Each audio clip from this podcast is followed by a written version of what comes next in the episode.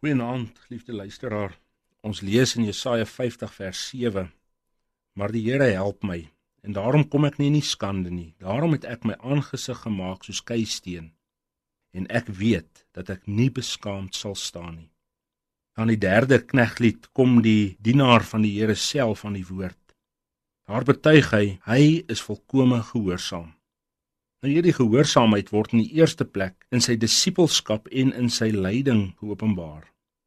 Hy het die wil van sy Heer in volmaakte gehoorsaamheid getrou gedoen. Hierdie kneglied sien uiteindelik sy vervulling in die volmaakte gehoorsaamheid van ons Here Jesus. Hy het gekom om die wil van sy Vader te verkondig, maar hy het ook gekom om die wil van sy Vader te doen met 'n volmaakte gehoorsaamheid. Hy het ook gekom om te ly ter wille van ons.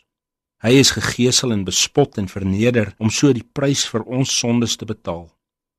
In navolging van Christus is dit nou ook ons roeping om in die midde van ons eie lyding steeds gehoorsaam aan hierdie eis van ons Vader te leef. Nou die gehoorsaamheid wat die dienaar in die midde van sy lyding geopenbaar het, dit staan nie los van die hulp wat die Here self gegee het nie. Nee, twee keer word dit vermeld dat die Here die knegg tot hulp was. Hy was vir hom tot hulp om te volhard op die lydensweg waartoe hy geroep is. Hy het gedetermineerd deur die lyding gegaan en so die gehoorsaamheid aan die Here volbring. Verder het die Here hom ook gehelp dat hy nie in onreg oorgegee is nie. Christus het deur die hulp van die Vader volhard om doelgerig die prys van sonde van sy kinders te betaal. Hy is nie aan onreg oorgegee nie, maar het uiteindelik die geregtigheid van God vir ons volbring. In hom kan ons seker wees dat ons Vader vir ons tot hulp naby is. En uiteindelik dien die hulp wat die Here aan sy dienaar gegee het tot 'n heerlike vertroosting vir elkeen van ons as sy kinders.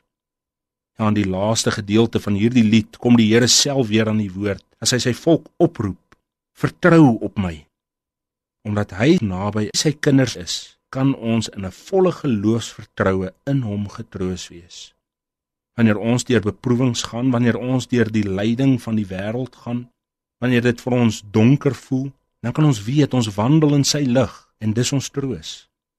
Saam met die troos om in sy lig te wandel, word ons ook getroos met die wete dat hy sy geregtigheid sal laat geskied, selfs in 'n wêreld van onreg ons almagtige God, ons hemelse Vader. Dankie dat U in U geregtigheid ons troos. Amen.